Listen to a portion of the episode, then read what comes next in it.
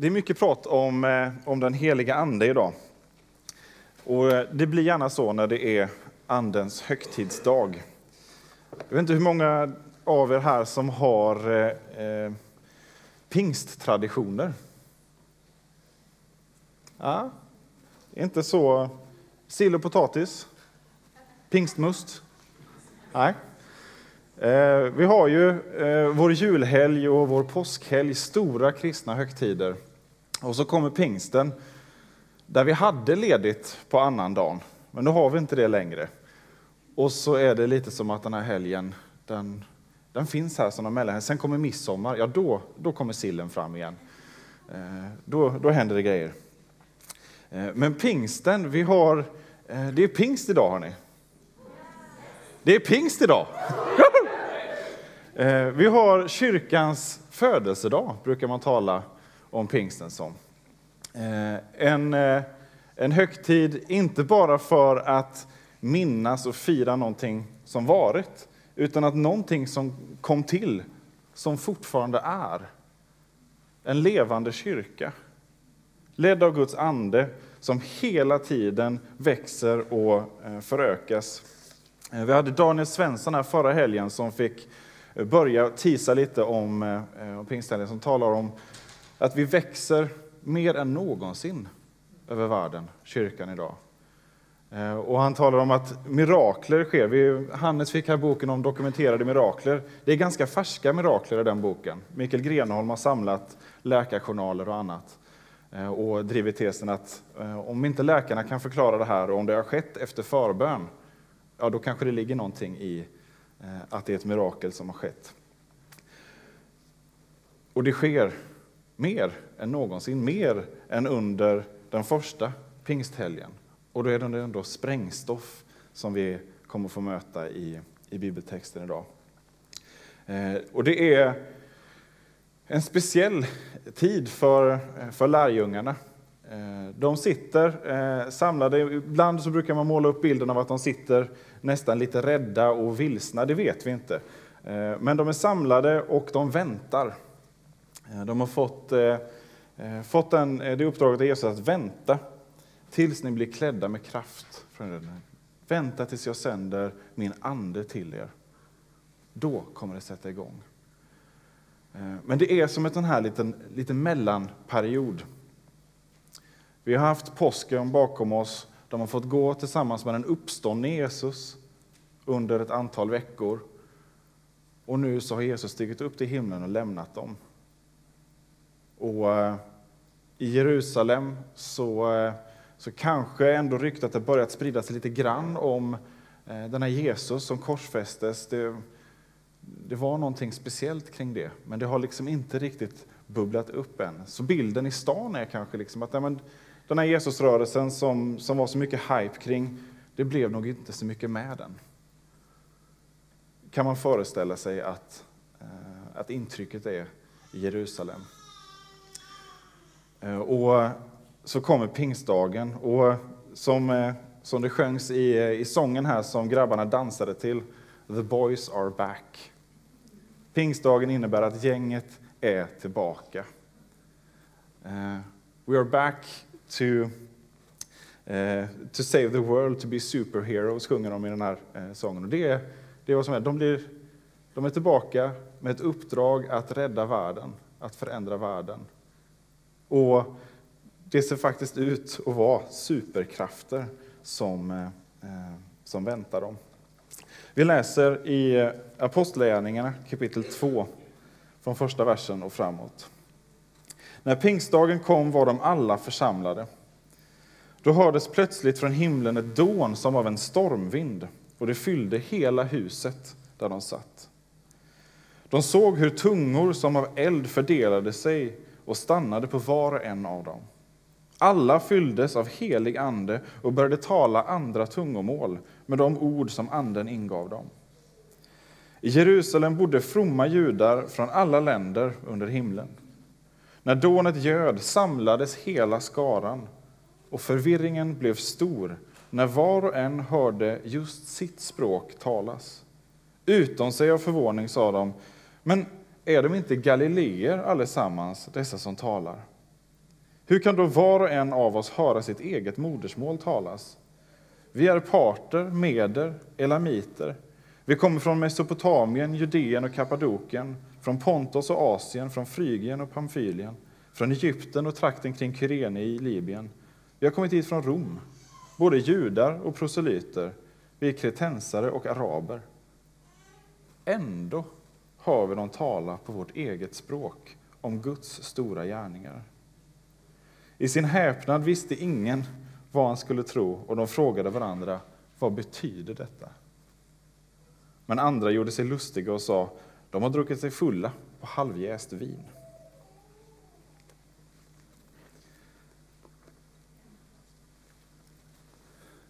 Jerusalem är smockfullt. Om än möjligt ännu mer smockat än under påskhögtiden. Pingst är eh, en av de tre stora vallfartshögtiderna eh, till Jerusalem. Och många stannade i Jerusalem. Man åkte dit till påsken och var man långväga från, ja då stannar man också till pingsten. Och till pingsthelgen hade ännu fler möjlighet att resa till på grund av förhållandena under året. Eh, så var det lättare att ta sig. Så att, eh, ofta var det som allra mest folk under året just under pingsthelgen. Och vi har människor från, från alla delar av den omgivande världen där. Judar som eh, vallfärdar till sitt hemland, kanske för första gången därför att ens förfäder eh, emigrerade en gång i tiden. Eh, och man vill se templet, staden där, där Gud har satt sitt namn, mötesplatsen mellan Gud och människa, templet, det allra heligaste, har man rest dit. Eh, och så bor man trångt, man bor på tält ute på, eh, på berget eh, och så får man fira gudstjänst inne i templet. Man kan tycka, vad är det för mening med att Gud väntar med det här? Varför fick inte lärjungarna anden direkt? Men här har vi eh, Gud som kommunikatör. Han vet när man ska lägga upp Eh, Eh, inlägget på sociala medier för att det ska nå flest följare. Eh, Han är välutbildad i det här. Här så, eh, så är tillfället då absolut flest människor är samlade i Guds stad, Jerusalem. Och det är människor från hela den kända världen. Så hela världen finns på så sätt representerad på plats. Och då väljer Gud att utgjuta sin ande, tömma ut sin ande. Eh, det här, nu är det, droppar det inte lite olja här, utan det himmelska karet med oljan, symbolen för den heliga ande, det är som att det töms ner över Jerusalem. Den platsen där Guds närvaro har funnits eh, sedan lång tid tillbaka, där Gud har valt att uppenbara sig. Där är det inte bara så att han uppenbarar sig nu eh, för översteprästen en gång om året inne i det allra heligaste i templet. Utan nu kommer Guds närvaro eh, och fyller hela den här platsen.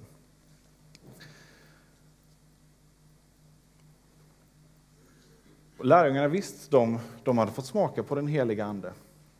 När Jesus eh, mötte dem efter uppståndelsen, han andas på dem och säger ta emot den heliga Ande. När de har varit ute och eh, de blev utsända av Jesus eh, under tidigare tillfällen eh, och tränade och fick bota sjuka och, och predika evangeliet. Eh, hade inte varit möjligt om de inte hade eh, fått den heliga Ande med sig då. Men nu så kommer den heliga Ande på ett helt nytt sätt. Där inte bara finns med, finns bredvid, utan fyller till bredden inifrån och ut. Och vi läser senare också i Apostlärningarna att, eh, att det här sker också fler gånger, att någon blir uppfylld av Anden. Så här har vi ett tillfälle i historien då det verkligen sker och där det är det här hela karet av olja bara töms ut. Eh, men det här är ingen engångsföreteelse. Det är en färskvara. Att bli fylld med den heliga Ande är någonting som lärjungarna började fortsätta att bli. De hade, nu hade de erfarenheten av vad som kan få hända när vi låter Gud leda oss, när Gud får kontrollen. Men sen får de fortsätta och gå i det här, fortsätta bli fyllda av den heliga Ande. Och de visste inte innan vad som väntade. Vi har ju facit i efterhand kan vi läsa och eh, ja, men fundera på hur kunde lärjungarna vara så eh, envisa eller så dumma eller så eh, rädda. Men det är lätt för oss att säga när vi i efterhand har sett hela kyrkohistorien och frukten av vad som hände här. Men vad rörde sig i lärjungarna inför det här?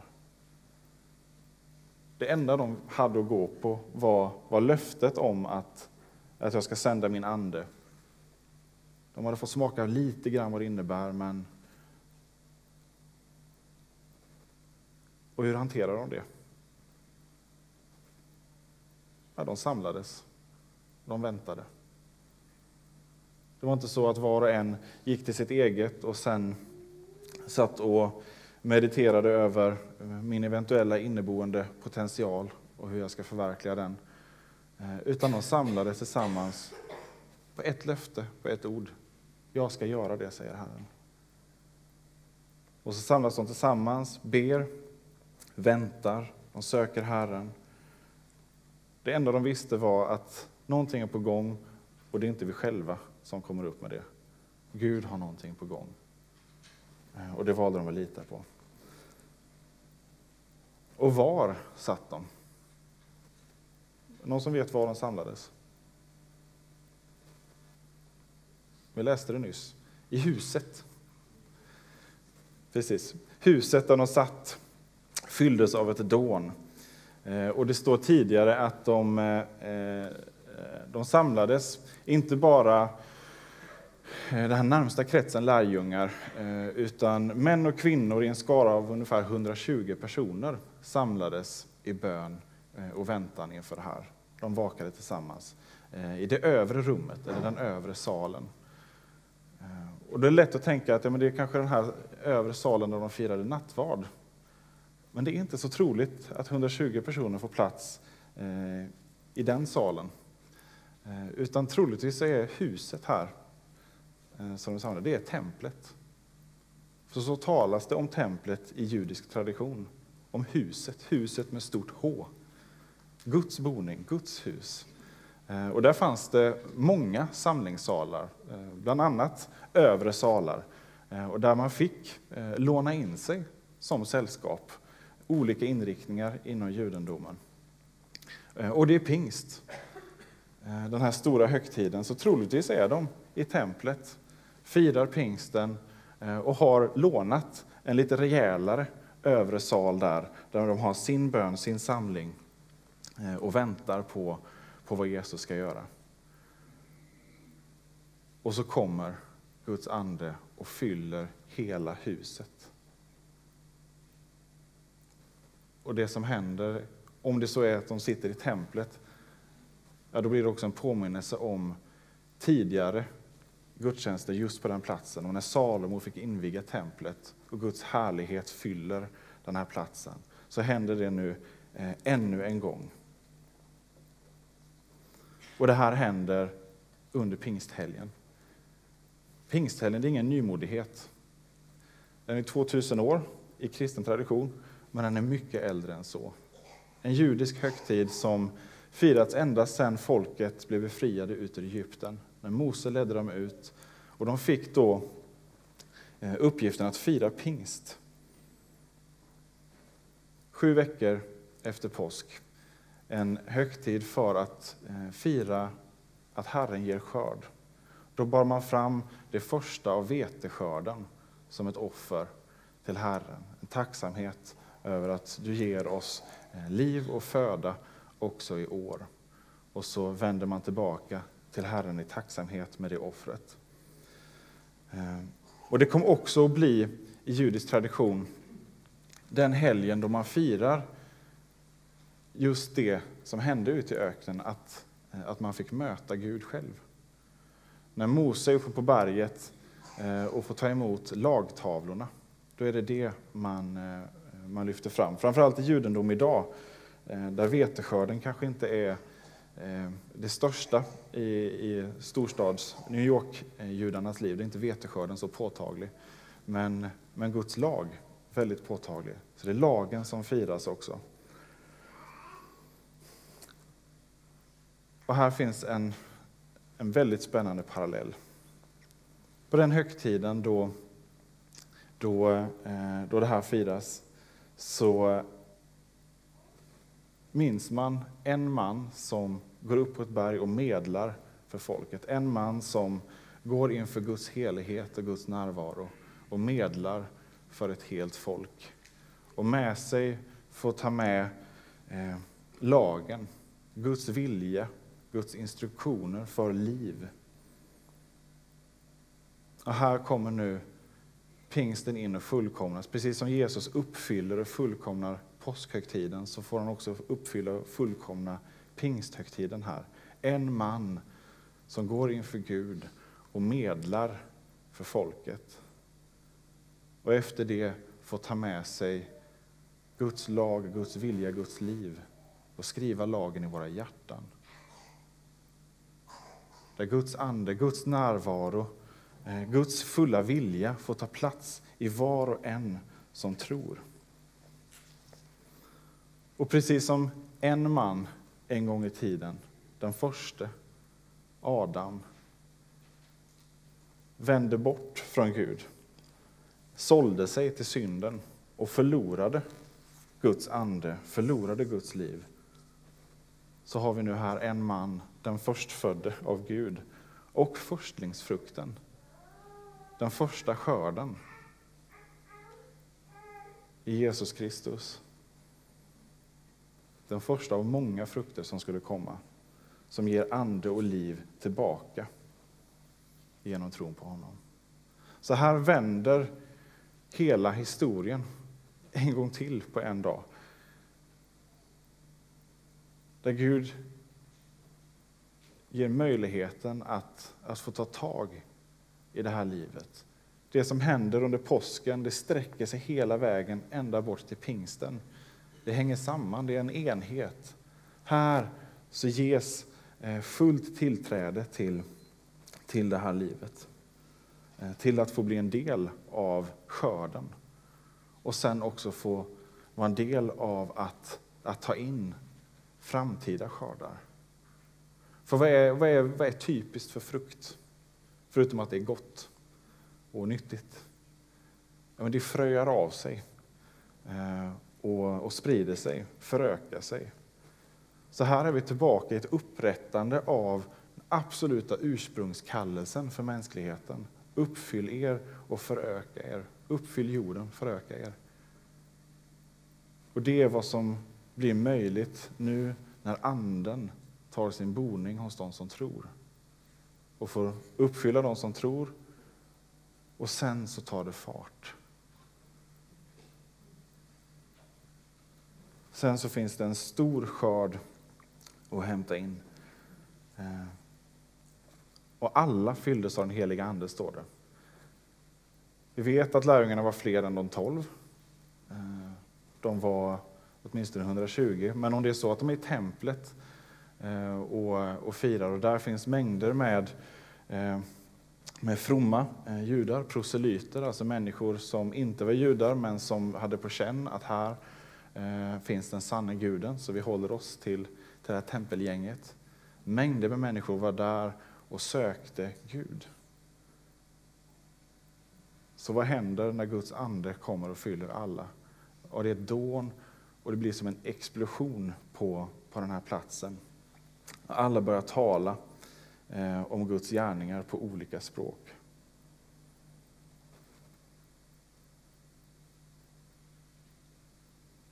Och bara på en dag, bara på en helg, en, hö en högtid gör hela skillnaden.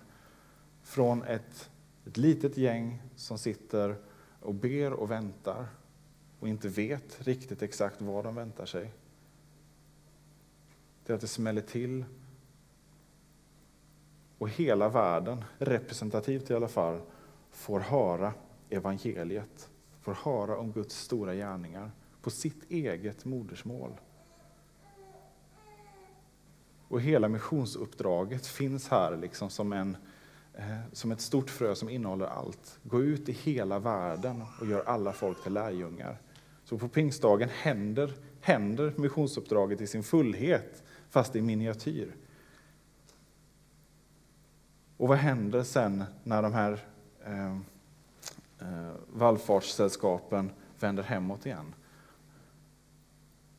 Jo, de får komma hem till Rom och till Kreta och alla de här platserna och berätta, kära någon, vet ni vilken pingsthelg ni missade i Jerusalem? Vet ni vad bättre är? Vi har den med oss hem.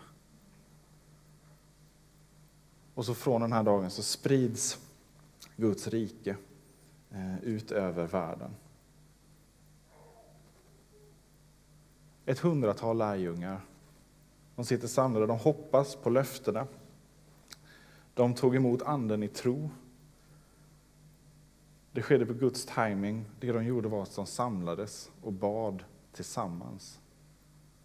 Det är knepet. Det är metoden. Det finns inte eh, någon universell missionsstrategi med vilken eh, nivå man ska bygga, om det ska vara eh, genom celldelning eller annat. Det finns massa bra eh, teorier och, och saker att, att organisera sig för sin tid och för den plats man är på. Men om vi inte gör detta väldigt enkla, att samlas och be och vänta eh, på det Herren vill ge oss, ja, då kan vi syssla med allsköns strategier och teorier utan att komma någonstans. Eh, och visst, de möter kritik direkt. Minuten senare så blir de anklagade för att vara fulla eh, på morgonen vid nio-tiden. Eh, och det tar Petrus också sen som argument mot det. Men vad tror ni? Tror ni att vi är fulla klockan nio på morgonen och sen så levererar han en hejdundrandes pingstpredikan? Spiknykter. Men framför allt så blev människor förundrade. De blev förundrade över att här händer någonting som inte borde hända.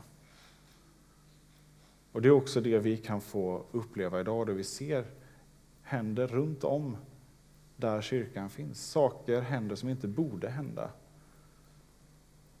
Där evangeliet får gå fram, ja, där får människor hopp på nytt.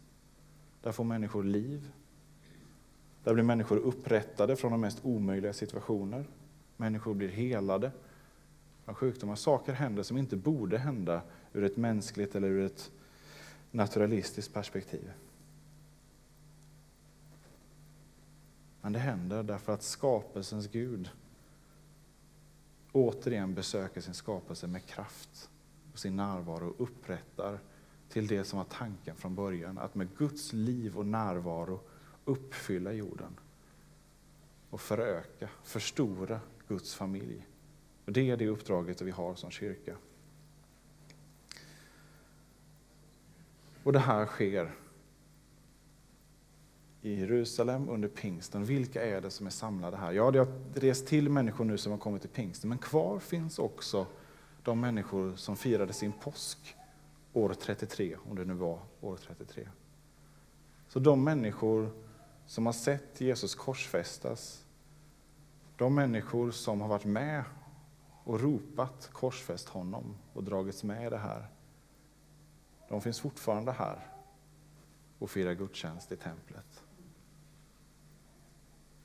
Om vi läser vidare så är det också det som Petrus tar fasta på. Och så ges möjligheten till just den här upprättelsen, att få komma tillbaka till ursprunget. Den kallelse som Gud har för varje människa, att få vara fylld av hans liv och att få förstora, förmera hans familj.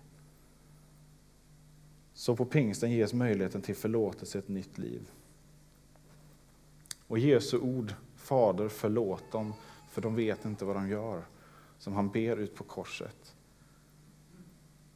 Det får också en uppfyllelse på pingstdagen, när tusentals människor omvänder sig, trots att de kanske varit med och ropat korsfäst. Men här ges de erbjudandet, en utsträckt hand från den nyfödda, fortfarande ganska lilla kyrkan. att det finns förlåtelse också för den som har korsfäst Herren själv. Och så avgörande är det för kyrkans liv att Jesus säger att det är bättre för er att jag stiger upp till min fader i himlen och får sända min ande till er. Så avgörande är det för kyrkan. Med andens närvaro och andens liv. Då borde vi också hålla pingsten otroligt högt. Då borde vi också eh, inte be om någonting annat egentligen. Be om att få bli fyllda eh, av den heliga Ande. Hur mycket mer borde vi inte längta efter att bli fyllda av den heliga Ande? Men jag tror att det finns någonting som oroar oss i det. Att vi tappar kontrollen, att det kanske är så att Guds ande leder oss utanför de här teorierna vi har, utanför organisationen som, som vi har. Kanske försätter mig i situationer där jag inte är helt bekväm eller helt trygg. Där jag kanske inte kan språket. Nej, säg det till apostlarna som blir utsända över hela världen. Stackars Thomas, ända bort nere i södra Indien. Men de visste att det fanns ingenting att frukta. Jesus säger det, skulle en, en far ge sitt barn eh, en orm när de ber om ett ägg? Nej. Och om ni människor som, som till naturen är onda i er synd vet att ge era barn goda gåvor, hur mycket mer ska inte då Gud ge den heliga Ande till er när ni ber om det? Låt oss få, få be om den heliga Ande. Låt oss få släppa det som, som gör att vi håller tillbaka, vad det än är. Om det är rädsla, eller oro, eller eh, skam eller bekvämlighet. Allt det är uppordnat på korset. Om de som korsfäste Jesus själv kunde få förlåtelse och bli fyllda med den heliga Ande, då kan du och jag också det, trots att vi med vår synd också har varit med och korsfäst Herren själv. Men här ges möjligheten till omvändelse, möjligheten till förlåtelse. Jag vet inte var, var du är idag. Mer än att du är här eller om du kollar på det på nätet. Men var du är i ditt hjärta. Kanske är det så att det känns som att Jesus har lämnat dig, precis som han eh, lämnade lärjungarna, steg upp till himlen. Du vet inte riktigt var du har honom. Men gör som lärjungarna i så fall. Vänta och hoppas och be om att Herren får möta dig. Lita på att hans ord håller att stå på. Det kanske är så att du har lämnat Jesus och känner att det är vi gick tillsammans ett tag, men, eh, men det var länge sedan vi gick så nära varandra som vi har gjort. Då finns det fortfarande tid för omvändelse. Herrens dag har inte kommit. Om han dröjer och vi får leva så finns det tid för omvändelse och tid att få inlämnas igen i det här arbetet som han håller på med. En värld som ur mänskligt perspektiv borde sakna hopp. Oavsett om du har med med välfärd eller klimat eller kriminalitet eller vad det är nu göra. En värld som borde sakna hopp har allt hopp i det som kyrkan har som uppdrag att dela. Du kan få vara med och göra det. Det kanske är så att du inte alls känner Jesus, inte vet så mycket eh, om honom. Ja, då finns det tid att lära känna honom. Tid att få göra den erfarenheten som eh, miljarder kristna har gjort före dig. Att få möta din egen skapare. Här och nu. Inte bara den dagen du dör. Utan här och nu få göra upp. Och få ta emot den förlåtelsen och den upprättelsen som han ger. Och så få ta emot kraften. Och få vara med och förändra den här världen. Vi har olika förutsättningar, vi befinner oss på olika platser. Eh, Men vi kan samlas tillsammans och vi kan be. Be om Guds nåd och be om Guds ande för var och en av oss. Så var med mig och gör det.